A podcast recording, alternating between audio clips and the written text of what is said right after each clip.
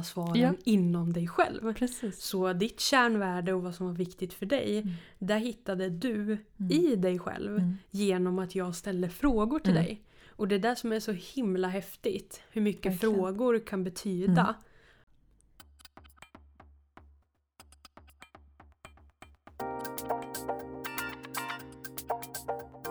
Some moments will change your life. The question is,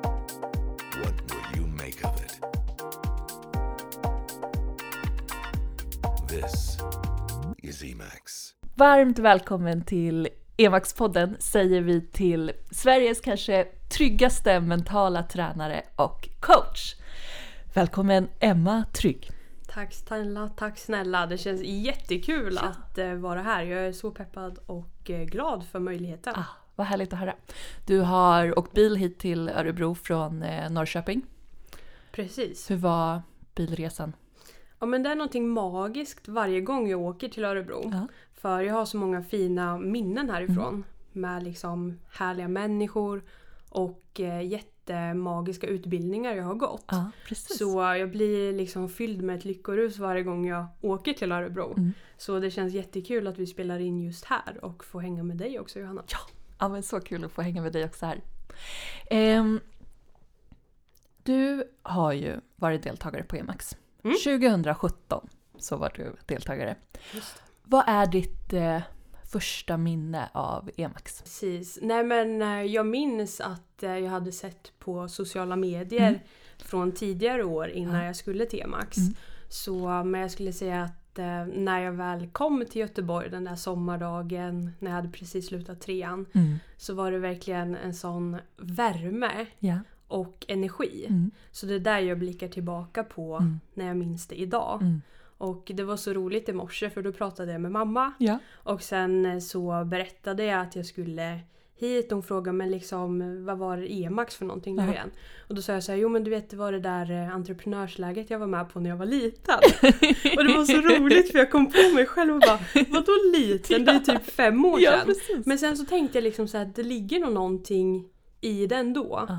För att den utveckling jag har gjort mentalt Mm. sen dess, Mm. om jag jämför så, Mm. så har det hänt väldigt mycket. Så det var ändå Mm. rätt roligt att jag sa helt omedvetet att när jag var liten liksom, hade slutat trean på gymnasiet. Roligt. Vad känner du att du så här, framförallt tar med dig från Emax? Jag skulle säga att det är den enorma kraften. Mm. Att det finns så många likasinnade i en ung ålder. Mm. Och vilken kraft vi alla har tillsammans för att förändra i Precis. världen. Mm. Så det är framförallt där liksom otroligt mycket hopp Mm. men också värme att jag känner att så här, vart än jag åker i Sverige så Mm. finns det någon EMAX-deltagare jag skulle kunna träffa. Ja men verkligen, verkligen. Det bubblar ju liksom under veckan. Men också att det, att det fortsätter bubbla även Ja. när Emax är slut. Liksom. Mm. Och precis som du säger att om jag åker upp till Boden eller om jag åker ner till Kristianstad så Ja. vet jag att det, att det kommer finnas någon Emax-deltagare där som man kan höra av sig till om man skulle vilja. ja men precis och även fast man liksom inte känner varandra jättedjupt Nej. så känns det ändå som att jag har ett band Ja, till alla andra som Ja. har varit med på EMAX. För att eh, vi tänker likadant. Liksom. Precis. En härlig Emax-familj. Ja, verkligen. Härligt. Eh, en sak som, som vi på Emax, eh, eller vi kan ju börja med att säga att du jobbar som mental tränare och eh, coach. Ja. Med kanske framförallt eh, inriktning mot eh, ryttare och ridsport. Mm, exakt. Precis. Och en sak som vi på Emax jobbar väldigt mycket med är jämställdhet. Mm. Både att så här, få in kunskap för att vi ska kunna bli bättre, men också att det är liksom typ inpräntat i vårt DNA att vi hela tiden ska arbeta för att vara ett jämställt event. Ja. Skulle du kunna se att du som, i din roll som coach och mental tränare kan liksom vara med och, och påverka dina klienter för att, eller kanske inte klienterna men samhället för att bli mer jämställt? Ja men absolut. Jag tänker att liksom hela samhället består ju av individer som tillsammans bygger och utvecklar den värld vi lever i. Mm. Och eh, det är ju som du säger främst ryttare som kommer till mig. Mm. Men också ungdomar inom andra områden och framförallt tjejer. Mm. Och eh, även fast det kan vara någonting inom ridsporten som de kommer och vill ha hjälp med Ja, så kommer det påverka hela deras liv och Mm. vardag i stort. precis. Så den utvecklingen som jag ser Mm. från de som kommer och eh, kan ha en lägre självkänsla eller lägre självförtroende Mm. till att ja, men efter några sessioner tro på sig själva mer Mm. och liksom ge praktiska exempel på hur de har utvecklats. Precis. Både i ridningen men också i livet tycker jag är Mm. otroligt häftigt. Mm. Och det är verkligen där mitt hjärta klappar för. Mm. Så när de stärker sig själva Mm. så vågar de mer på flera plan i livet Ja, än i ridningen. verkligen. Nu vill jag säga att det, det känns som en väldigt tacksam målgrupp att få, få jobba med, med ryttare. Ja, Eller jag kan ju bara se till mig själv som ju också är, är ryttare. exakt. Att eh, ja, men det finns något så här, även fast man kanske har eh, problem, man har hinder som man måste liksom övervinna, så, Mm. så har vi ändå en, en grundinställning att så här, allt går att, att lösa. Ja men precis och eh, det är så inspirerande att se ju vissa ryttare som kommer och ja, men berättar om något problem, de har Mm. någon rädsla och Mm. sen när det försvinner Mm. och eh, det blir enklare att ta sig emot sitt mål så går det bättre på många andra områden i livet också. Precis, Så det blir liksom så här positiva effekter på flera Verkligen. delar. verkligen. Så på så sätt ser jag att eh, ja, men det per automatik blir att de tjejerna, kvinnorna Mm. stärker sig själva Mm. och på så sätt tror jag också inspirerar andra i samhället så verkligen. att det blir liksom positiva effekter. Verkligen. Helt klart. Eh, jag tänker på ditt efternamn. Ja. Trygg. Du känns ju som en väldigt eh, liksom trygg individ i dig. Bara när du kom innanför dörren så var jag så här. Jag var trygg och lugn. Och vad fint. Har Tack. du, har du alltid varit trygg? Nej, absolut inte. Mm. Och eh, alltså jag brukade, när jag föreläste mycket förr, så Mm. brukade jag skoja och säga att när jag var yngre så skulle jag lika gärna kunnat heta Emma Osäker. Mm. För trygg matchade liksom inte med hur det kändes inom mig. Nej. Så det är framförallt de senaste men, fyra, fem åren Mm. som jag har jobbat otroligt mycket med mig själv. Mm. För att kunna vara den person inifrån och ut Mm. som jag vill vara och känner mig bekväm med att vara. Mm. Vad tror du ligger till grund för, för den här osäkerheten som du kände när du var yngre? Men väldigt, väldigt mycket rädslor. Mm. Alltså grejen var att jag snappade upp och var rädd för nästan allting som gick att vara rädd för. Mm. Jag var rädd för att eh, prata inför klassen. Mm. Jag var rädd för vad andra människor skulle tycka och tänka om mig. Mm. Jag var rädd för att jag skulle bli akut sjuk. Mm. Jag var rädd för att ramla av min häst. Ja. Alltså det tog aldrig slut. Nej. Och eh, det var verkligen extremt när jag Ja. ser tillbaka på det. Mm. Och eh, jag skulle aldrig orka leva med den rädslan och ångesten Nej. idag. Nej. När jag blickar tillbaka på det så känner jag bara så här: shit. Hur orkade jag liksom leva Mm. ett liv i flera år som bara styrdes efter rädslor hela tiden? Precis. Skulle du säga att, att den här rädslan liksom var, var konstant över, över liksom hela dagarna eller var det så här vid eh, specifika tillfällen, någon tid på dygnet? Ja men alltså den kom och gick hela tiden. Mm. Och jag skulle säga att de här små pauserna för att hitta lugn och energi. Mm. Det var framförallt när jag var i stallet. Ja. För att då kunde jag tänka på någonting annat, umgås med hästarna, vännerna där. Så de stunderna var liksom dagens energipåfyllnad. Ja. Och när jag kom hem då så kände jag så här, men gud nu mår jag ju bättre igen. Mm. Så det var framförallt eh, ja, men under skoldagar men sen också under lov. Mm. För att eh, då på något sätt så var jag, ja men hade väl lite så understimulering. Mm. Och på så sätt så hittade jag grejer att oroa mig för. Gud vad jobbigt. Ja, Jag kan, jag kan också här som ryttare känna Mm. igen mig i att så, här, så fort man kommer till stallet så bara andas man ut. Typ. ja Man hör hästarna tugga. precis. Eh, De typ gnäggar på en när man kliver ur bilen. Mm. Och verkligen att det är, så här, är kanske den absolut bästa platsen för att bara komma ner i varv. Ja men jag tycker verkligen att det är en sån närvaro. Mm. Och jag kan märka nu i mitt liv jag lever nu också. Mm. Om det har varit en hektisk dag och jag känner att jag har lite spänningshuvudvärk så Mm. åker jag till stallet. Mm. Och sen när jag kommer hem så är det liksom borta. Precis. Så det har en enorm helande kraft Ja. på mig och många Mm. andra som jag har Mm. pratat med också. Mm. Vad tror du Vad tror du att hästen gör med oss? Liksom? Jag tror framförallt att det är närvaron, Mm. i alla fall för mig, Mm. i att vara i stunden där Mm. och då och också vara tydlig i sin kommunikation. Mm. För när jag var yngre och eh, red och tävlade Mm. då var jag väldigt stressad som person och gick hela tiden Mm. runt och spände mig.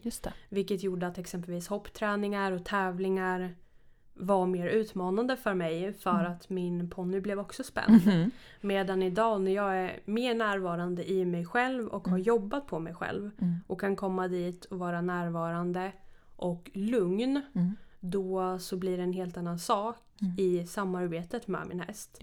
Så ja, för mig har det verkligen varit närvaron. Mm. För att när jag tänker tillbaka på förr så var jag inte så närvarande. Nej, För att jag hade alla de här rädslorna som tog mitt fokus. Mm. Medan idag kan jag känna ännu mer hur det laddar upp mig Mm. när jag är där. Mm. När vi pratade innan så, så beskrev du att det i tvåan på gymnasiet hände någonting. Ja, Det blev som att det vart så här, ja, men som en nystart. verkligen. Skulle du vilja beskriva vad det var som hände då? Ja, alltså jag ser det verkligen som den största vändpunkten i mitt liv. Mm. Och eh, det var egentligen den mest utmanande perioden i mitt liv. När jag gick, eh, ja men precis hade börjat tvåan. Mm. Och för att gå in på lite specifikt mer vad det var som fick mig att må dåligt. Mm. Så var det att jag hade väldigt mycket tvångstankar. Okej. Och rädslor och Mm. ångest. Kunde få Mm. panikattacker i föreläsningssalarna i skolan. Mm. Och mycket så här kroppskomplex och Ja. sådana delar. Mm. Och eh, sen så var det på en hoppträning och efteråt så sa min tränare att så här, det kommer en mental tränare hit. Mm. Som kommer komma tre tillfällen under hösten. Mm. Och eh, du kanske skulle gå dit och liksom testa och lyssna. Ja. Och eh, jag tänkte först såhär bara, men mental träning, alltså jag är ju så som jag är som person.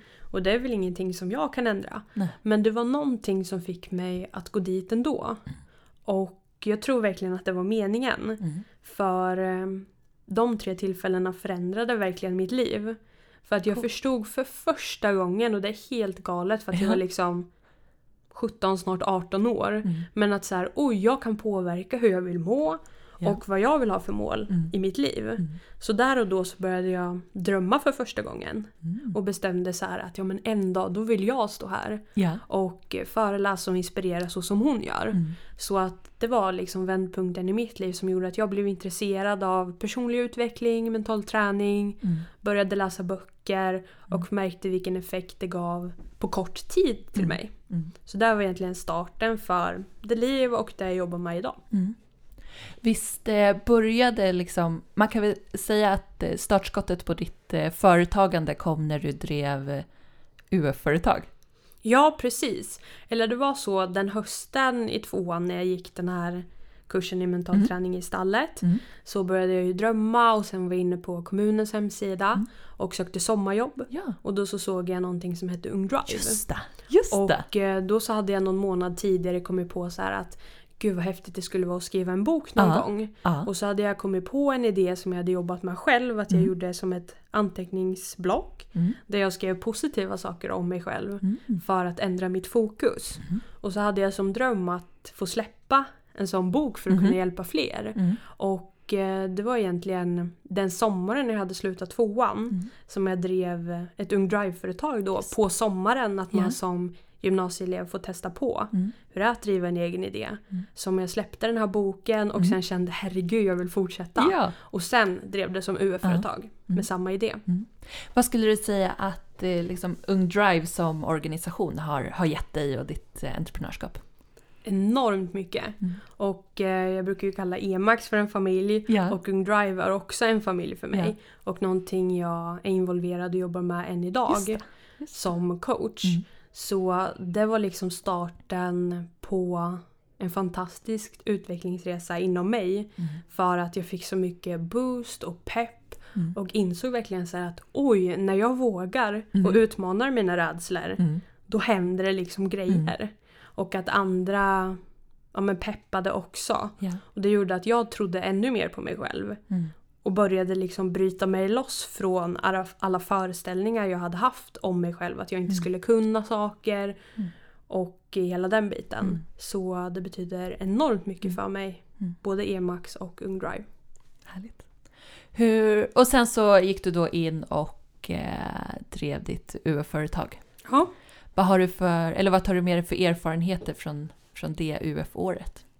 Jag skulle framförallt säga att jag vågade verkligen kasta mig ut. För eh, efter den Ung Drive-sommaren när jag hade skrivit min första bok Mm. så ville jag ju fortsätta med samma idé. Och började också drömma om att så här, ja, men när jag har tagit studenten vill jag starta ett riktigt företag. Vilket gjorde att jag drev mitt UF-företag helt själv.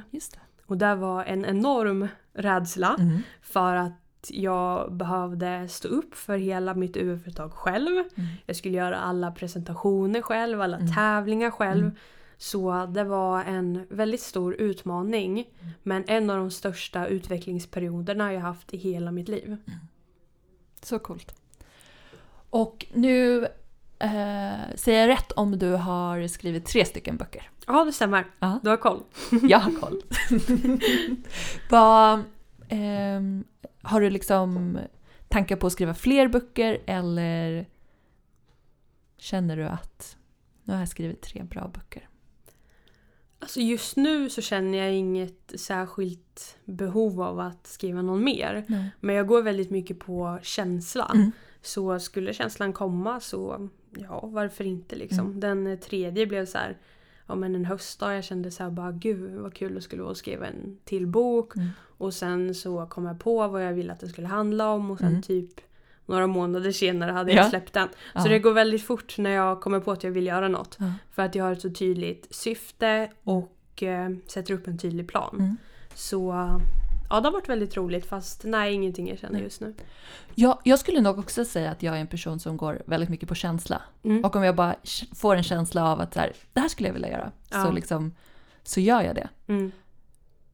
Men jag kan också tycka att det, att det känns lite läskigt eller att det så här, på något sätt kan bli svårt att typ strukturera vardagen. För Mhm. att, jag vet inte, att man får infall och sen så liksom tappar man fokus typ. För, Ja, att, man, förstår. för att man börjar på något annat. Mm. Vad personer då som, som eh, liksom är ganska känslo, inte, inte känslostyrda, men ja, jag tror du fattar. Mm. Vad skulle du ge för tips till, till sådana för att, att jobba med sitt så här, mentala... Kopplat till att få saker gjorda, Mm. tänker du då? Precis. Ja men att eh, gå på känslan Mm. men sen också ha en tydlig målbild Mm. och eh, sätta upp delmål på vägen mot där man vill uppnå. Mm. Och att eh, för mig är det väldigt viktigt att hela tiden ha med mitt högre syfte. Varför jag vill göra någonting. Mm. För det är det som gör att liksom lågan hålls uppe hela tiden. Även fast det kan bli utmanande. Mm. Så det är någonting som jag ser som väldigt värdefullt. Skulle du säga att det här högre syftet då, eh, att du alltid har kvar det i de här typ infallen eller känslorna som du får? Ja, eller det blir ett väldigt tydligt verktyg för mig att kunna mäta och se om det bara är inspiration i Just det, stunden. Just det. Eller om det är någonting som jag verkligen vill Ja. förverkliga och ta vidare. Det, det känns också som ett bra tips. Mm. Att så här, eller det kommer i alla fall jag ta med mig. Att om jag, om jag får sådana här infall som jag får ibland. Så, så istället för att bara liksom springa på bollen direkt.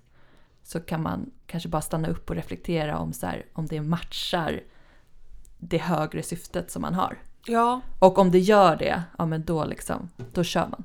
ja men precis. Och eh, ja, det tror jag väldigt mycket på. Och eh, jag har lärt känna mitt inre så mycket nu. Mm.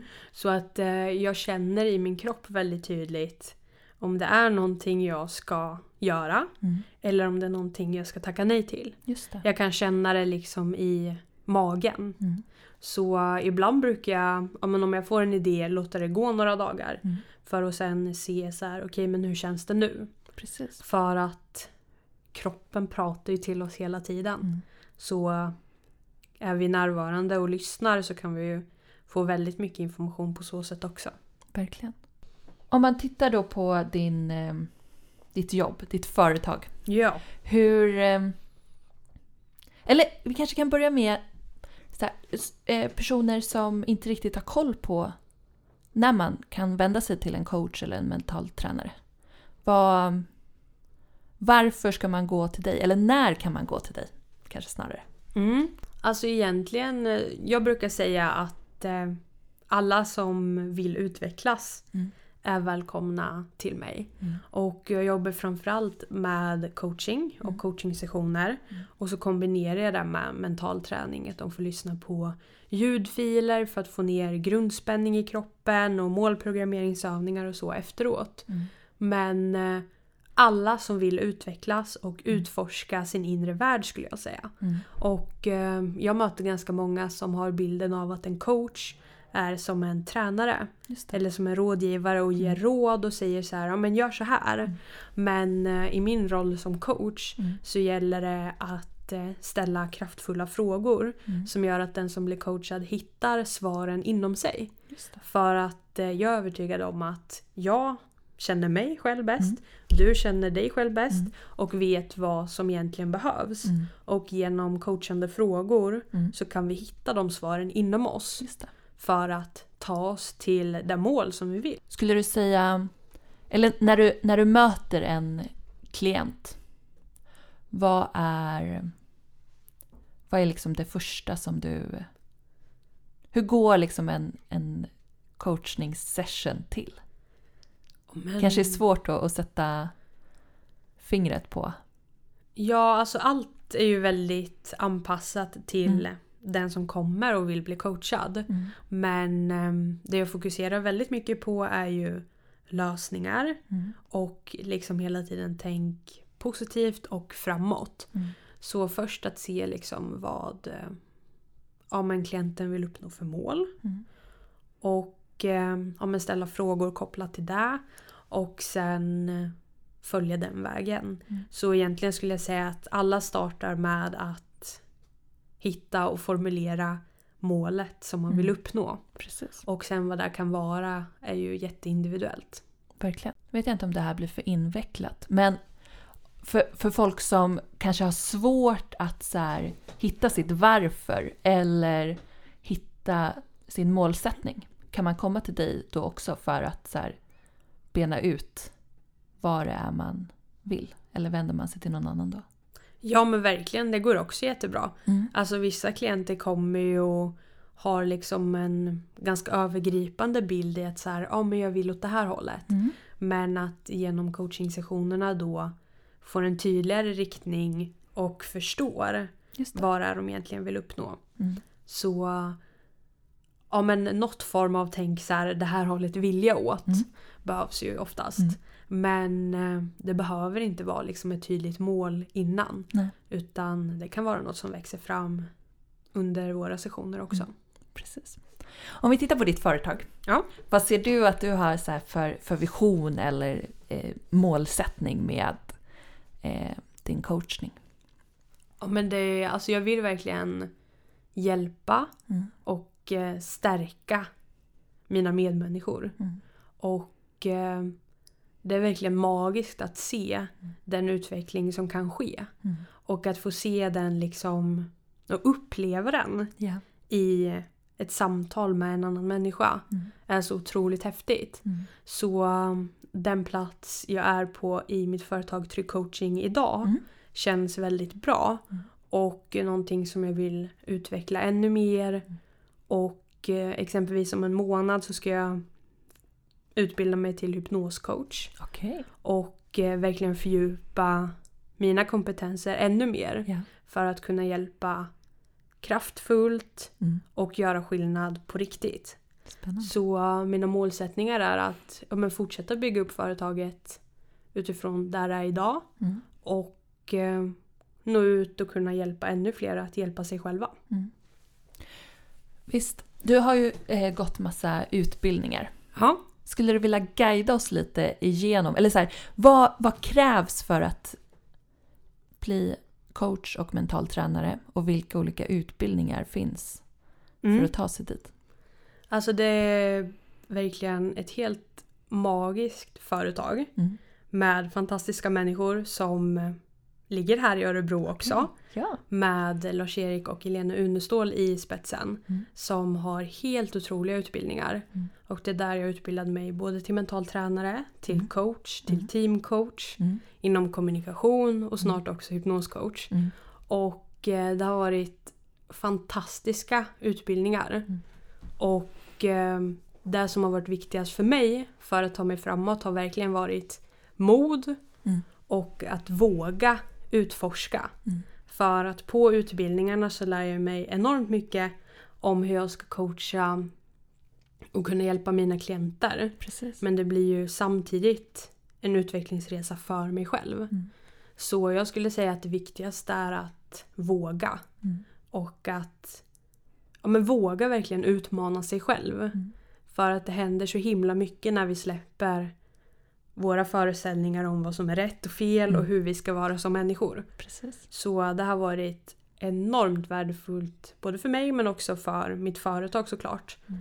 För att eh, allt jag har lärt mig kan jag använda idag för att hjälpa andra. Mm. Vad skulle du säga att du har för liksom, framtidsvisioner med ditt företag?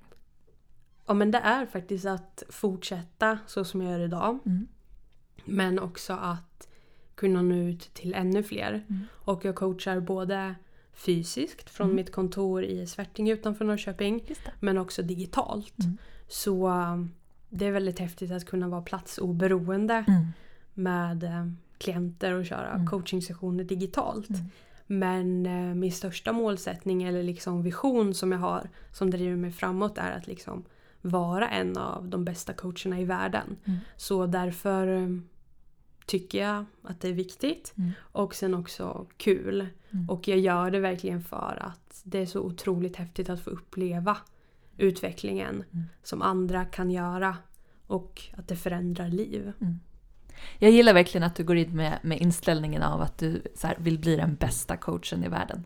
Ja men jag tänker att eh, jag behöver ju utveckla mig själv Mm. för att bli bättre och när Mm. jag är bättre så Mm. kan jag också hjälpa bättre. Precis. Och då blir andra bättre. ja. Så att det blir liksom hela tiden en positiv spiral uppåt. ja. Vad, ehm, vad tror du kommer krävas av dig för att, att kunna bli den bästa? En av de bästa coacherna? Ja men jag har liksom ingen jättetydlig handlingsplan dit. Nej. Men bara att ha den bilden eller målsättningen precis. inom mig gör att jag automatiskt rör mig Mm. åt det hållet. Mm. Och eh, jag tänker också att jag fyller 24 om en månad och är, är en av de yngsta i branschen. Ja men precis. Så Du har ju verkligen alla förutsättningar för att ta dig dit. I alla fall om man tittar på så här, hur mycket erfarenhet du har samlat på dig nu ja men och precis. sen också så här, hur, mycket, hur många år du Ja. har kvar. Ja men verkligen. Så jag tycker det är galet roligt och känner verkligen att det här är ja, men ett av de största syftena med mitt liv. Mm. Att få bidra. Och det känns som många uppskattar och utifrån min bakgrund också. Mm. Och att Verkligen. jag vet hur det känns att må dåligt. Mm. Men jag vet också hur det känns att må bra. Mm. Och skillnaden däremellan och att det faktiskt går att förändra. Mm. Känns liksom som att jag är ett levande bevis på. Verkligen. Och att många känner att det liksom är en trygghet att jag vet vad jag gör för Mm. att jag testar på det själv. Helt klart, det, det håller jag verkligen med om. Och precis som du säger att det så här, eh, ger eh, trygghet. Nu vill jag säga evidens, jag vet inte om det är rätt ord i sammanhanget. Kör. Eh, att du så här, ja, men verkligen har varit på båda sidorna. Ja men exakt. Så uh, det känns jättevärdefullt och meningsfullt för mig. Mm. Och eh, ja, men den känslan det ger inom mig Mm. efter varje coachingsession går liksom inte att beskriva med ord. Nej. Så jag känner i hela mig Mm. att det här är verkligen där mitt hjärta klappar Mm. för. Jag har ju haft eh, några, eh, om det är två stycken coachningstimmar eh, med dig. Ja. Och jag tyckte att det var så häftigt för att du, ehm, du gav mig också tips på eh, så här, ljudspår som jag kunde lyssna på. Ja, precis. Den mentala träningen. Ja. Eh, Precis, Ja. som verkligen så här, har fått huvudet att, att börja snurra och tänka i andra, banor. Grymt. Och jag kommer ihåg så tydligt ett eh, ridpass som jag hade i, i ridhuset. Ja. Det var jättemycket folk. Jag kände att jag omedvetet stressade upp mig lite. Ja. Eh, vilket bidrog till att min väldigt känsliga häst liksom blev jättenervig själv. Mm. Och så var jag så här, nej, ja, det är lika bra att jag går ut. Och sen så bara, nej Johanna. Om vi bara skrittar lite nu och så tänker vi på det här som, som Emma har sagt. Ja. Och så gjorde jag det. Och sen så bara fungerade det Ja. efter det. ja, men det är det som är så häftigt. Ja. Och att eh, ja, men vi pratade totalt sett typ två timmar. Mm. Och hur mycket som kan hända Precis. på så kort tid ändå. Ja. Och det där jag tycker är så galet häftigt. Mm. Och det jag älskar mest är liksom så här innan jag ska ha en coachingsession. Mm. Att jag kan liksom inte förbereda mig på något sätt. Nej. Mer än att försätta mig själv i ett bra tillstånd Mm. för att jag ska känna mig lugn, närvarande Mm. och fokuserad. Mm. Så när jag väl har en coachingsession så bara kommer frågorna till mig Precis. som eh, ja, blir bra i stunden. Ja. Så det är där jag tycker om så mycket också för att jag får verkligen ha närvaron. Mm. Och ja, det är jättehäftigt att se Mm. och kul att du delar med dig som Mm. exempel också. För, eh, ja, för mig var det verkligen en helt ny värld Ja. när jag kom in i mentala träningen och Mm. coachingen. Mm. Så häftigt. Och också, jag tyckte du också var så bra på att så här, äh, få mig att förstå mitt eh, kärnvärde Just i varför jag, varför jag har häst, varför jag rider, varför jag vill utvecklas. Liksom. Ja, Det var väldigt nyttigt att få så här, uppleva det. Liksom. men vad kul att du säger det. Och för mig är det väldigt viktigt att så här, de som blir coachade i det här fallet när vi hade våra sessioner Mm. och jag coachade dig i att så här, jag ställer ju frågor Mm. men du hittade ju alla svaren Ja. inom dig själv. Precis. Så ditt kärnvärde och vad som var viktigt för dig, Mm. där hittade du Mm. i dig själv Mm. genom att jag ställde frågor till Mm. dig. Och det är det som är så himla häftigt. Hur mycket Verkligen. frågor kan betyda. Mm. För att när svaren hittar, hitt- hittas inom oss själva också Mm. så upplever jag att det blir ännu mer kraftfullt. Mm. Än om jag skulle sitta och vara mer rådgivare och säga Precis. gör så här, gör så här. Precis. Men att kunna Verkligen. kombinera det med mentala träningen Mm. och exempelvis säga så här, vill du att jag berättar mer om mentala träningen? Mm. Och sen att jag gör det Mm. och sen föreslår, Mm. är det något du vill testa? Mm. Då gör det att hela tiden blir det den som blir coachad Mm. som står för ansvaret, Precis. står för ansvaret för utvecklingen Mm. och också tar besluten. Mm. Så vi har liksom alla svaren vi behöver Ja. inom oss. Mm. Det är bara frågorna som Mm. behövs också. Mm. Och det, det känns väl också som att det är bra att, så här, att, det, att det landar på, på de som du coachar, att det är deras ansvar. Ja, Eh, också för, för deras motivation till att, att vilja utvecklas och, och verkligen ta åt sig av, av din coachning. Ja men precis. Så det är jag väldigt noga med att eh, berätta och påminna om Mm. att du som blir coachad står Mm. för ansvaret. Mm. Och eh, det är upp till dig vilken utveckling det här kommer bidra till. Mm. Men jag gör allt vad jag kan Mm. för att ställa kraftfulla frågor Mm. och peppa längs vägen som gör att den som blir coachad hittar där den behöver. Så häftigt. Jag har eh, förberett eh, två stycken olika eh, scenarios Kul. som jag tänkte att vi skulle eh, kolla lite på. Ja. Och de här... Jag förstår att du inte kan liksom göra en fullskalig coachning. Eh, för att vi måste ju också ha då en, en klient här som har de här eh, problemen. Och man kanske Precis. inte kan lösa det på tre minuter utan Mm. att man behöver lite längre tid. Men jag vill att du ska så här, eh, kanske ge svar på eh, vad är det första du, eh, eller vil- vilka frågor kommer du, skulle du ställa till den här klienten? Eh, om du har något konkret tips för hur man kan eh, ta sig an en sån här eh, frågeställning eller problem. Mm. Jag t- tänker att det, att det landar när, Mm. när vi har kollat på scenarierna. Exakt. Eh, och det första eh, handlar då om att vi har en, en klient här, en ryttare, som blir väldigt eh, nervös i tävlingssituationer. Mm. Den kanske har, du vet den blir lite hispig. Eh, den får svårt att koncentrera sig, den kanske glömmer bort programmet eller banan som den ska hoppa. Eh, och eh, ja, men bara allmänt liksom nervig. Mm. Vad, vad skulle du ha för råd och, och tips till den här personen? Mm. Då hoppar jag in lite mer som genom mina ögon och öron som mental tränare just nu. Mm. Och eh, ja, om jag tänker tips kopplat till nervositet Mm. är att eh, om man funderar kring så här, vad är det som gör att du blir nervös? Mm. För många kan ju vara liksom nervösa flera dagar innan. Och då är det ju inte exempelvis själva tävlingen som gör en nervös. Nej. Utan det är ens bilder eller föreställningar, Mm. fantasier om tävlingen som gör en nervös. Mm.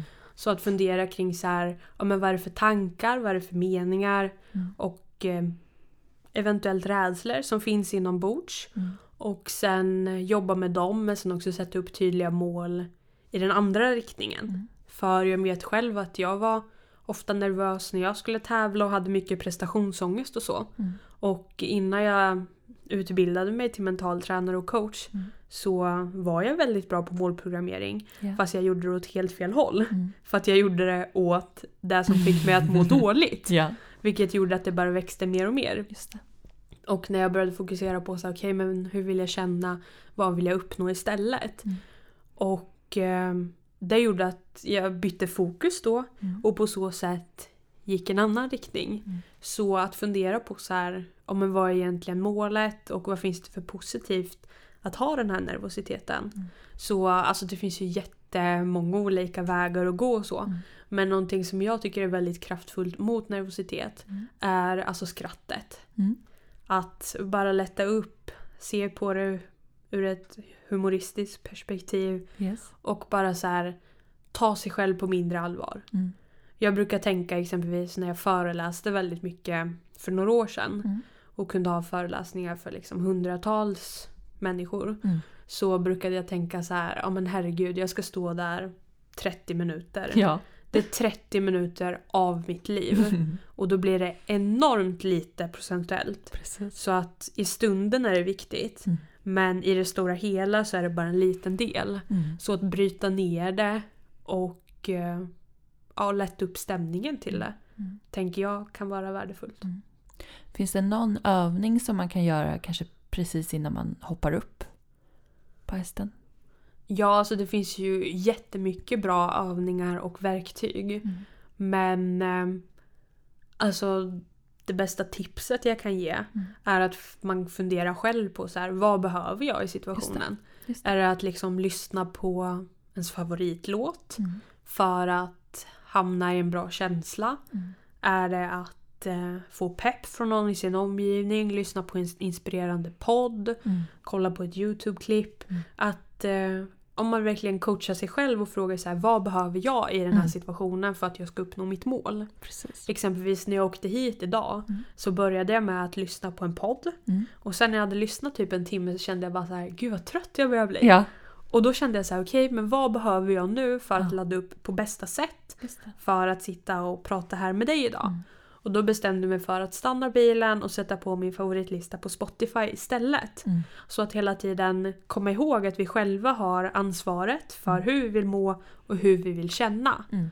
Och att på så sätt också ta olika actions i Mm. den riktning vi behöver. Precis. Klokt.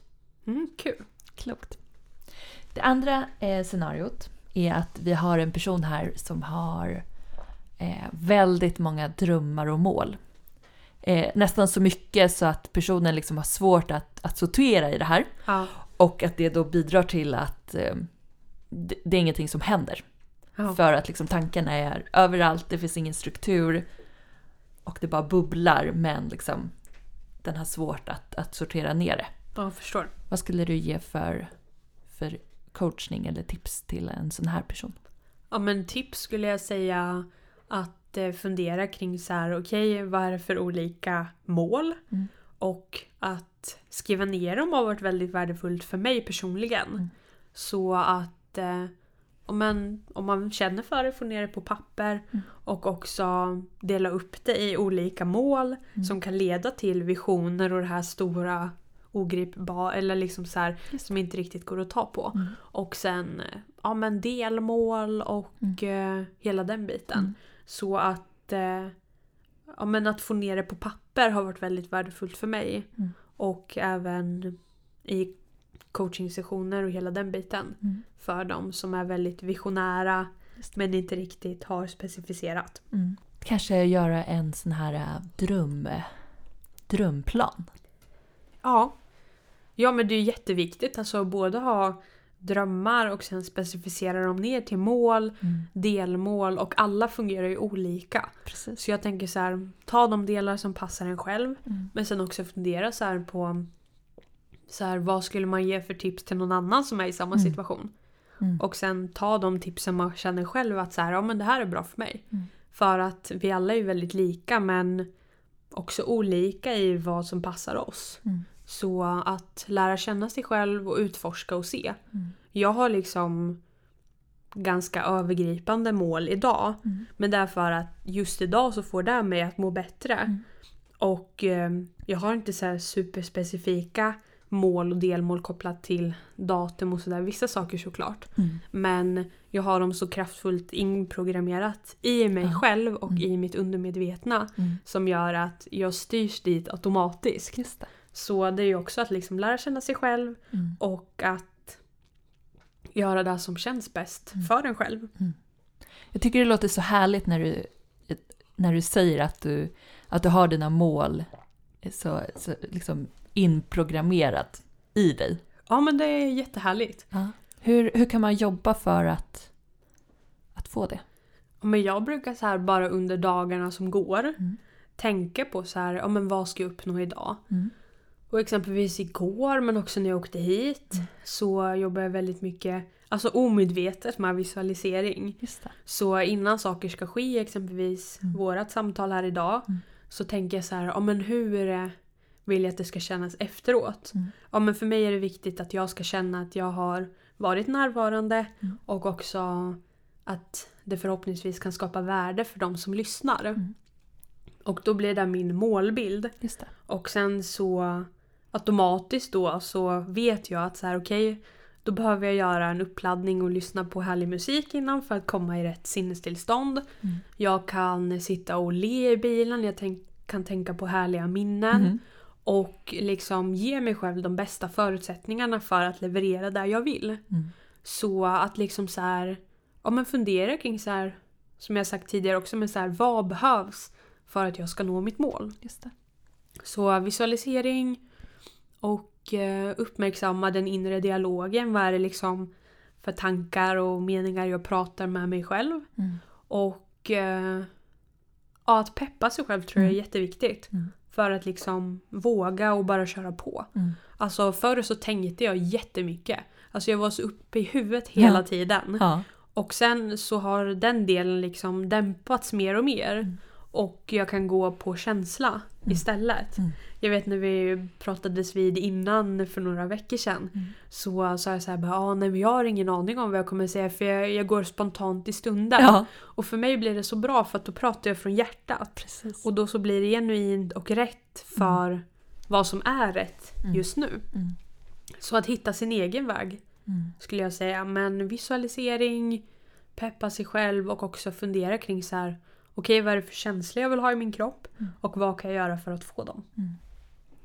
Jag kommer verkligen ta med mig din förmåga att vara närvarande. Och att visualisera saker. Och bara tänka bra tankar. Ja. Och vilken kraft det också kan skapa för ja. sig själv.